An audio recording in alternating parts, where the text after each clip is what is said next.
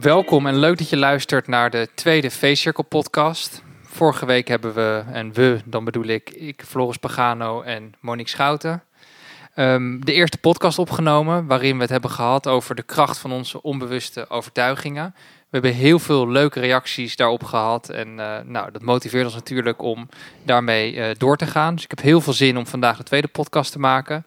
Hoe zie jij dat, Monique? Ja, ontzettend veel zin erin. Het was echt uh, overweldigend, al die reacties. Het is natuurlijk hartstikke spannend om zoiets de wereld in te gooien. Ja. Deed me een beetje denken aan uh, mijn eerste boek wat ik had geschreven. En dan besef je ineens, als je het loslaat, iedereen kan daar nu maar alles van vinden en iets over zeggen. Dus spannend, maar ook ongelooflijk leuk, omdat we gewoon heel graag dit verhaal vertellen. En ja. daarmee natuurlijk wel meer mensen gaan bereiken. En ook mensen die hier misschien nooit op de academie zijn geweest, maar toch nieuwsgierig zijn wat we doen. Op een laagdrempelige manier hopen we ze toch iets mee te geven over nou ja, onze ideeën van coaching. Leuk. Ja. Nou, de kop is eraf. hè? Mhm. Vandaag gaan we de tweede, de tweede eh, uit deze serie maken. En waar we vorige keer gebleven waren, was het moment dat je samen met die klant de overtuigingen op tafel hebt gekregen. We hebben daarin uitgelegd uh, ja, wat het belang is van die onbewuste overtuigingen op tafel krijgen. Dat die heel veel van je gedrag aansturen. En dat eigenlijk voordat je gaat coachen, het wel even fijn is om die, uh, ja, dat wereldbeeld te leren kennen van die klant. Want dan kan de coaching beginnen. Ja. Nou, en dan komt de klant bij je. En dan? Ja, nou dat is mooi hè. Dat brengt ons eigenlijk bij het tweede principe waar we het vandaag over gaan hebben. En dat is het principe, de klacht is niet het probleem. Gaan we uitleggen, ook aan de hand van een aantal voorbeelden, maar heeft te maken met dat de klant vaak binnenkomt. Hij noemt dat dan ook, ik kom met een probleem of iets wat ik wil veranderen of verbeteren aan mezelf of een uitdaging die ik aan wil gaan. Maakt eigenlijk niet zo heel veel uit. En wij weten eigenlijk al waar die mee komt, dat is de klacht. Want het echte probleem, dat is eigenlijk altijd verbonden met ja, zijn wereldbeeld en die overtuigingen. Vertellen we straks wat over. Maar het klacht is niet het probleem. Dus als coach moet je daar ongelooflijk alert op zijn. Ja, en je vertelde eigenlijk van de week waren we aan het wandelen. En toen vertelde jij mij een, een verhaal over een, ja, een echtpaar dat jij in het begin van je carrière zag. En ik vond het eigenlijk zo treffend verhaal om dit principe, het principe van de klacht is niet het probleem te demonstreren. Ja, dat, dat, oh, ik weet wat je bedoelt. Het verhaal waarin ik zelf dat echt heb ondervonden. Hoe, je, uh, hoe makkelijk je op klachtniveau um, interventies gaat doen. Hè, dus eigenlijk met oplossingen gaat komen voor een, een ogenschijnlijk probleem. Hoe dat uiteindelijk helemaal niks oplevert en je eh, door te dat je vergeet om naar de, de echte probleem te gaan, ben je eigenlijk bezig met symptoombestrijding. Dat, heb, dat zijn harde lessen. Nou, die, ik loop er nog wel eens in. Maar um, dat was een hele harde. het was een echtpaar. Die kwamen bij mij. Het was in mijn beginperiode. Um, echtpaar kwam bij mij. En zij um, was ontevreden. Ze had heel veel klachten, maar de belangrijkste klacht was wel: ja, ik moet alles maar alleen doen. En uh, jij bent maar druk met je werk. Alles is belangrijker dan ik ben. En dat zag ze met name door um, ja, ze, ze noemde het voorbeeld. Ze zei: Ja, want we wonen nu net in een nieuwe buurt en daar zouden we het allemaal anders gaan doen.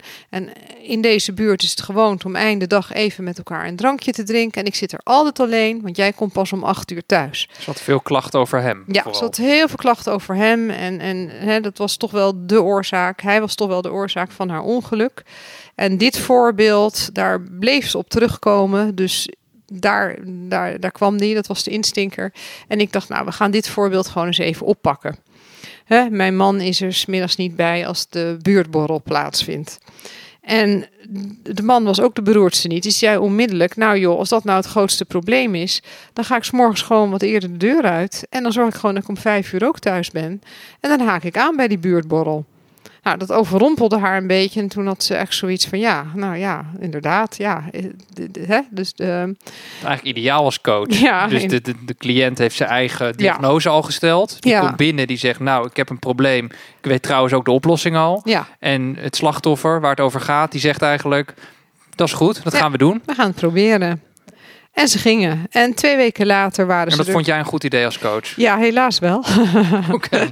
ja, dat ehm, ehm, twee weken later besefte ik dat het een minder goed idee was. Want ehm, nou, ondertussen, eh, zo gezegd, zo gedaan. De man ging eerder naar zijn werk, kwam eerder terug. En behalve de buurtborrel was hij nu ook bij het avondeten met de kinderen.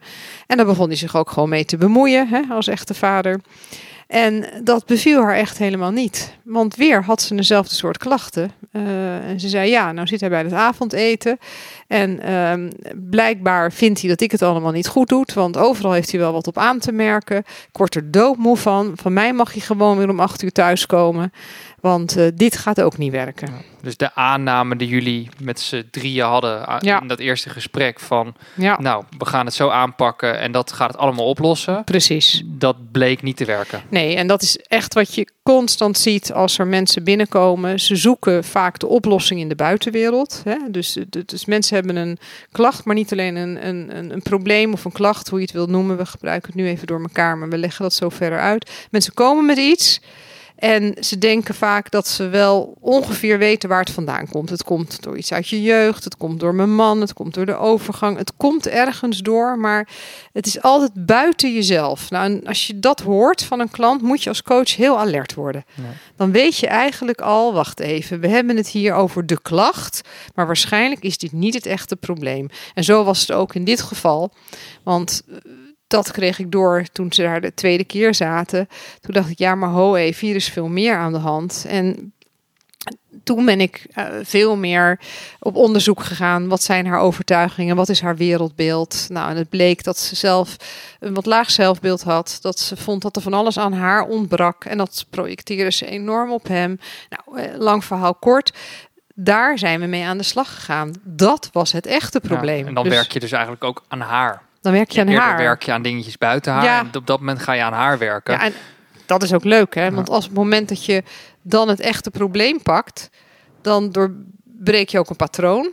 En dan ga je op heel veel terreinen in je leven winst boeken. Ja. Want ze herkenden het ook in haar gezin. En dat ze zich altijd de vreemde eend in de bijt voelde. Ze voelde zich in de buurt eigenlijk al niet meer thuis. Ze had het gevoel dat ze minder vriendinnen had dan iedereen om zich heen. Dus het zat in alles. Ja, een En patroon. Een patroon. En een probleem nou, is een patroon. Ja, en ik eh, herken het natuurlijk ook als, eh, al in mijn werk als coach en ook als wij met elkaar napraten vaak, dan is Ja. dit ook een vraag wat we, eh, of die we elkaar stellen. Hebben we nou wel aan het goede gewerkt? Hè? Ja. Zijn we niet erin getrapt dat we toch misschien de klacht aan het oplossen zijn? Ja, want En dat, dat- gaat sneller dan snel. Ja, en soms is dat hartstikke moeilijk. Hè? Soms Ja. komen er ook klanten en dan is er even iets urgents in die buitenwereld. Ja, Kijk, als iemand bij ons komt, nou bijvoorbeeld met, eh, nou heel drastisch voorbeeld, ik word thuis mishandeld. ja dat Dan, gebeurt. dan gaan wij natuurlijk niet zeggen van, nou vertel eens, wat is je probleem daarmee? Ja, precies. Dus dat is dan misschien een heel extreem voorbeeld, maar er zijn natuurlijk ook voorbeelden die een beetje op het randje zijn, ja. waar wij onszelf ook vaak afvragen, ehm, hebben we nou aan de klacht gewerkt Ja. of zijn we aan het patroon aan het werken? En hoe kan je nou, ook misschien mensen die luisteren en die zelf coach of therapeut zijn, ja, hoe kan je nou vo- voorkomen dat je daar instinkt? ja. Nou, de, de- ik krijg besef dat als een klant nog heel erg praat over dingen in de buitenwereld, of het komt door dit, het komt door dat, dat je waarschijnlijk nog op klachtniveau zit. En als je dan iets eh, tips gaat geven of oplossingen aanbiedt, zoals ik net in mijn voorbeeld eh, liet zien, dan ben je bezig met symptoombestrijding. Ehm, je moet dus erachter zien te komen waarom die klant dat probleem heeft. Hè? Dus, dus, dus ik had eigenlijk de klant niet moeten geloven. Toen de vrouw tegen mij zei in dat voorbeeld: Ja, mijn man ehm, die, die laat mij altijd maar alleen op die buurtborrel. Mijn man, eh, daardoor ben ik ongelukkig.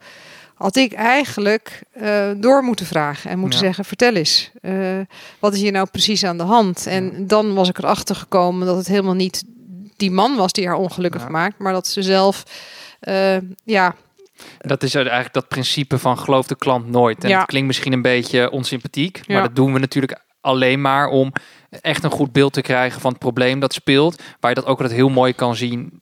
Nou, dat kunnen wij in onze praktijk zien. Maar Ja. dat zie je eigenlijk ook in dagelijks leven. Op het moment dat iemand een verhaal vertelt over een ander. En die ander een beetje negatief neerzet. Ja, Hè, dat je dat gaat geloven. ja, En dan de volgende keer ontmoet je diegene. En dan denk is, je, eh, oh, eh, eigenlijk valt het wel heel erg mee. Hè, dat kan natuurlijk ook zijn als iemand hier komt en klaagt over zijn werkgever of over of zijn, eh, collega's. zijn ex, hè? Zijn ex. Altijd een denken- narcist natuurlijk, hè? Altijd een narcist. En dat Ja. wij denken van, nou, dat moet wel een vreselijk mens zijn. Ja, En de keer daarna ontmoeten we... eh, die persoon. en ja. dan valt het eigenlijk al wel heel erg mee. Dus dat gelooft de klant nooit. Zorgt er, is heel belangrijk om te zorgen dat we aan de problemen gaan werken van ja, degene die bij ons komt. En Ja, niet dat we die ex gaan veranderen of de collega's. Precies. En, en dat gelooft de klant nooit. Dat heeft te maken met het feit dat mensen het niet bewust zijn wat het echte probleem is. Hè? We hebben natuurlijk in die eerste Ja. podcast uitgelegd dat we meer dan 90% onbewust doen. Ze gaan het niet zeggen. Nee, ze dus gaan niet we zeggen, weten het niet. Nee, hè? ze komen niet binnen met ik heb last van deze overtuiging of Ja. dit is mijn patroon. Precies. En we weten al hè, en dat, dat, dat een probleem altijd te maken heeft met een beperkende overtuiging. Hè? Ja. Dus je hebt eigenlijk al een stuk informatie uit die, eh, dat eerste gesprek, hè, die drijfverindscan. Daar weet je al een aantal overtuigingen. Je kent het wereldbeeld van die cliënt.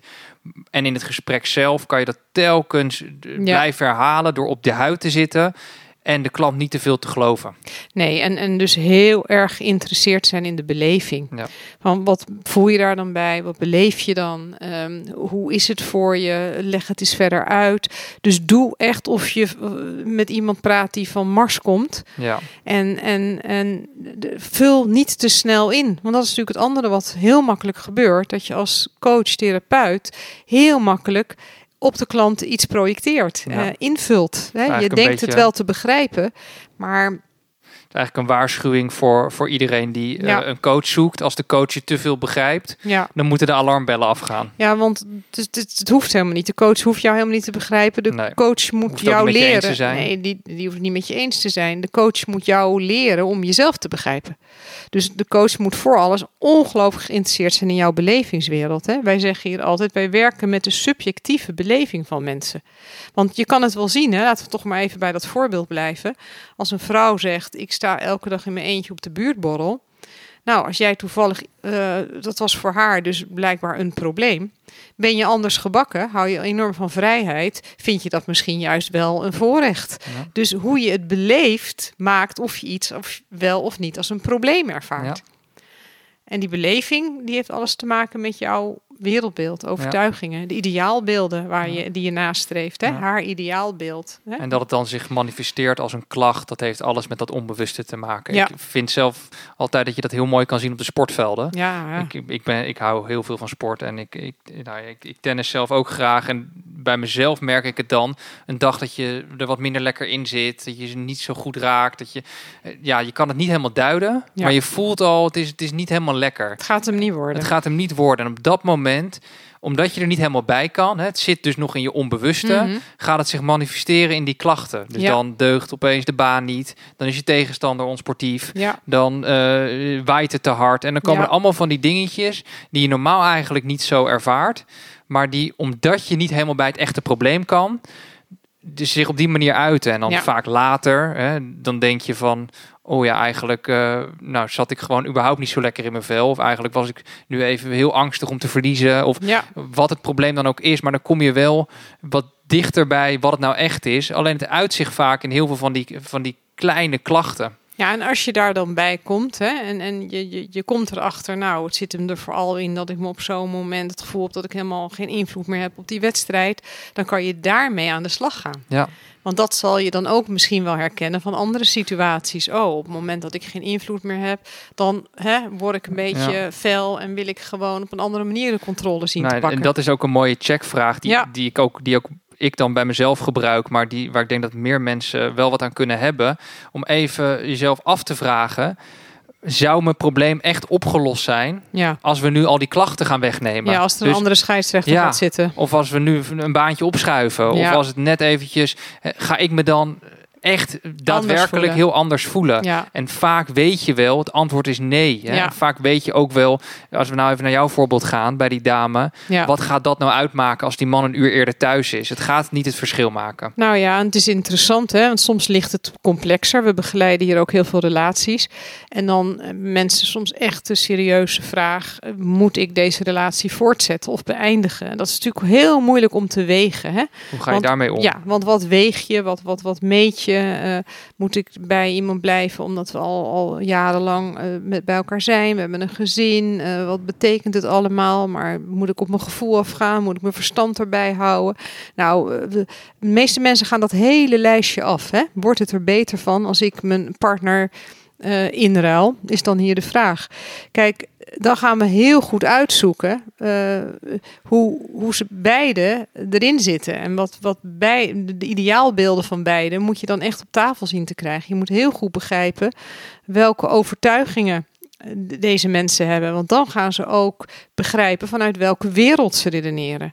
En eh, waar ze misgrijpen. En of dat misgrijpen komt omdat je je vastdraait in je eigen overtuiging, misschien wel veel te hoge verwachtingen hebt. Of dat je ehm, misgrijpt eh, omdat je gewoon inderdaad een verkeerde partner hebt. Ja. Dus het is heel interessant om dat heel erg goed uit te zoeken. Wij zeggen altijd, als je niet helemaal bewust bent van je eigen overtuigingen, van, van het, dus het echte probleem achter de klacht, ga dan vooral nog niet scheiden.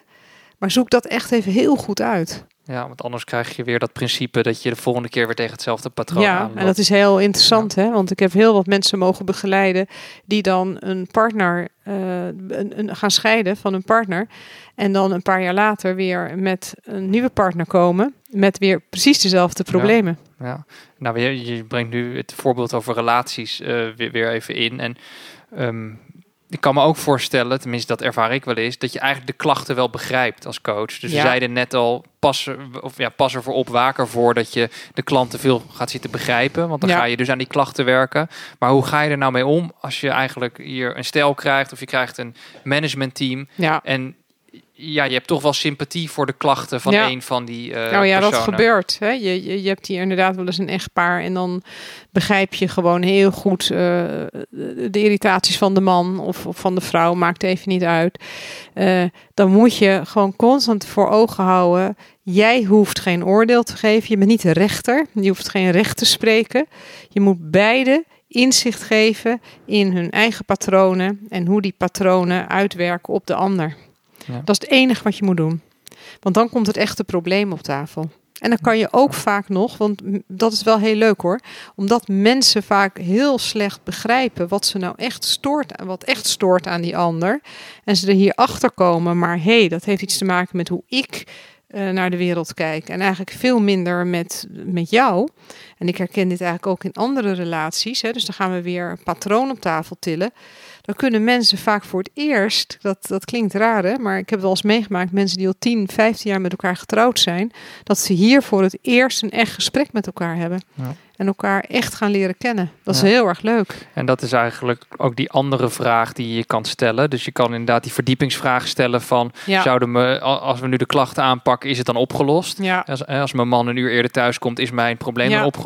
Ja, Maar die andere vraag die je net even noemt... herken ik dit in meerdere situaties? Dat is natuurlijk ook een hele interessante. die is heel belangrijk. Want, Want dan, dan- krijg je het patroon, hè? Precies, dan weet je dat het een patroon is. Ja. En een patroon zegt meestal iets over jou. Het zou Ja. wel heel toevallig zijn als er een patroon is wat je herkent in je privé, op je werk, Ja. in je sportteam. En het ligt altijd aan die andere mensen. Dus stel dat je nou merkt dat je vaak schuringjes hebt en Ja. je hebt dat op heel veel verschillende plekken, Ja, ja, dan is het waarschijnlijk een patroon. ja. Dus dat is een mooie checkvraag om jezelf te Ja, stellen. dat is een hele mooie checkvraag. Want wat er dan ook onmiddellijk gebeurt, is dat de klant verantwoordelijkheid gaat nemen. Ja. Dan houdt hij ook op met te zeggen: het komt door dit of het komt door dat. Maar dan gaat iemand zelf de verantwoordelijkheid nemen voor zijn eigen probleem. Ja. En dat is ook de bedoeling hè, van coaching: dat iemand eigenaar gaat worden van zijn eigen probleem. Ja, anders blijf je als coach een soort Ja. van de eindverantwoordelijke. Inderdaad. En even terug naar het voorbeeld van het begin. Ja. Eh, je kreeg door, oké, Ja. dit gaat niet werken. Deze Ja. dame en eh, meneer die gaan er niet uitkomen door de dagschema's eh, aan Nee. te passen. En toen zag je dat ze een overtuiging had die daar in de weg zit. En hoe, hoe, hoe heb je toen aangepakt? Want toen ben je een ander pad opgegaan, neem ik aan. Nee, maar zij, wat ik zei, ze, ze kwam erachter dat, dat het een patroon was. Dat ze eigenlijk nooit helemaal tevreden kon zijn. En dat uh, iedere keer er wel weer was, iets was wat er in haar leven toch, toch uh, ja, schuurde. Uh, er ontbrak wat. Het, was nooit helemaal zoals ze het wilde. En dat, dat hoorde ook eigenlijk bij haar. Ja, dat was de wereldbeeld. Het was ook de wereldbeeld. Ja. En eigenlijk zat daarachter, en dan zonder al te diep te gaan, maar dat zat er bij haar dan achter. Eigenlijk dacht ze, er ontbreekt wat aan mij. Ja. En dat gevoel was zo sterk dat ongeveer iedereen in de wereld om haar heen dat moest compenseren. En dat kan je niet bij iemand compenseren. En dat heb ik haar natuurlijk uitgelegd. Dat ze zichzelf moest gaan leren erkennen en waarderen. Dat is de korte versie. Ja. Maar als iemand het eenmaal ziet, duurt het ook niet meer zo lang. Dat is echt heel apart. Want als je eenmaal gaat zien, oké, dat is de overtuiging die hier in de weg zit, dan kan je door die overtuiging bij te stellen ook iemand echt in beweging krijgen. En kan iemand zien, ach, het is ook maar een overtuiging. Want technisch gezien ontbreekt er natuurlijk helemaal niks aan mij. Dat is eigenlijk alleen maar mijn beleving.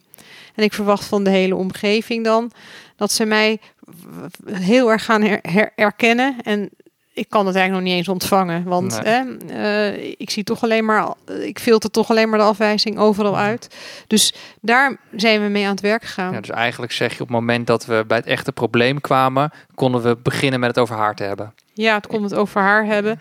Toen hield ze ook op met naar hem wijzen. Toen zei ze, ja, dat klopt. Ik heb gewoon een wat laag zelfbeeld.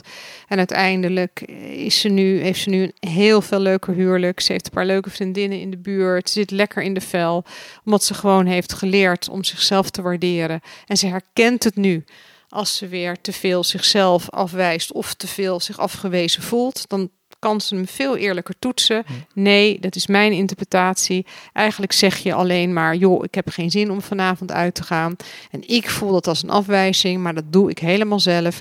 En dan is het ook veel sneller weer uit de wereld. Ja. Zo fijn is dat. Ja gaaf en leerzaam. En toch een leerzame ervaring. Dat is heel leerzaam. en het brengt dus eigenlijk, wat, wat we eigenlijk leren, is dat ga je op klachtniveau werken, dan is het symptoombestrijding. Je kan even, het is een doekje voor het bloeden, het kan even helpen, maar uiteindelijk. klant. Nee, dit, dit, het, het, het, werkt niet. Dus ga altijd naar het probleem, want dan kan je het patroon pakken. En wat we nu ook duidelijk maken, is dat achter het patroon altijd een beperkende overtuiging zit. Die moet je uiteindelijk aanpakken.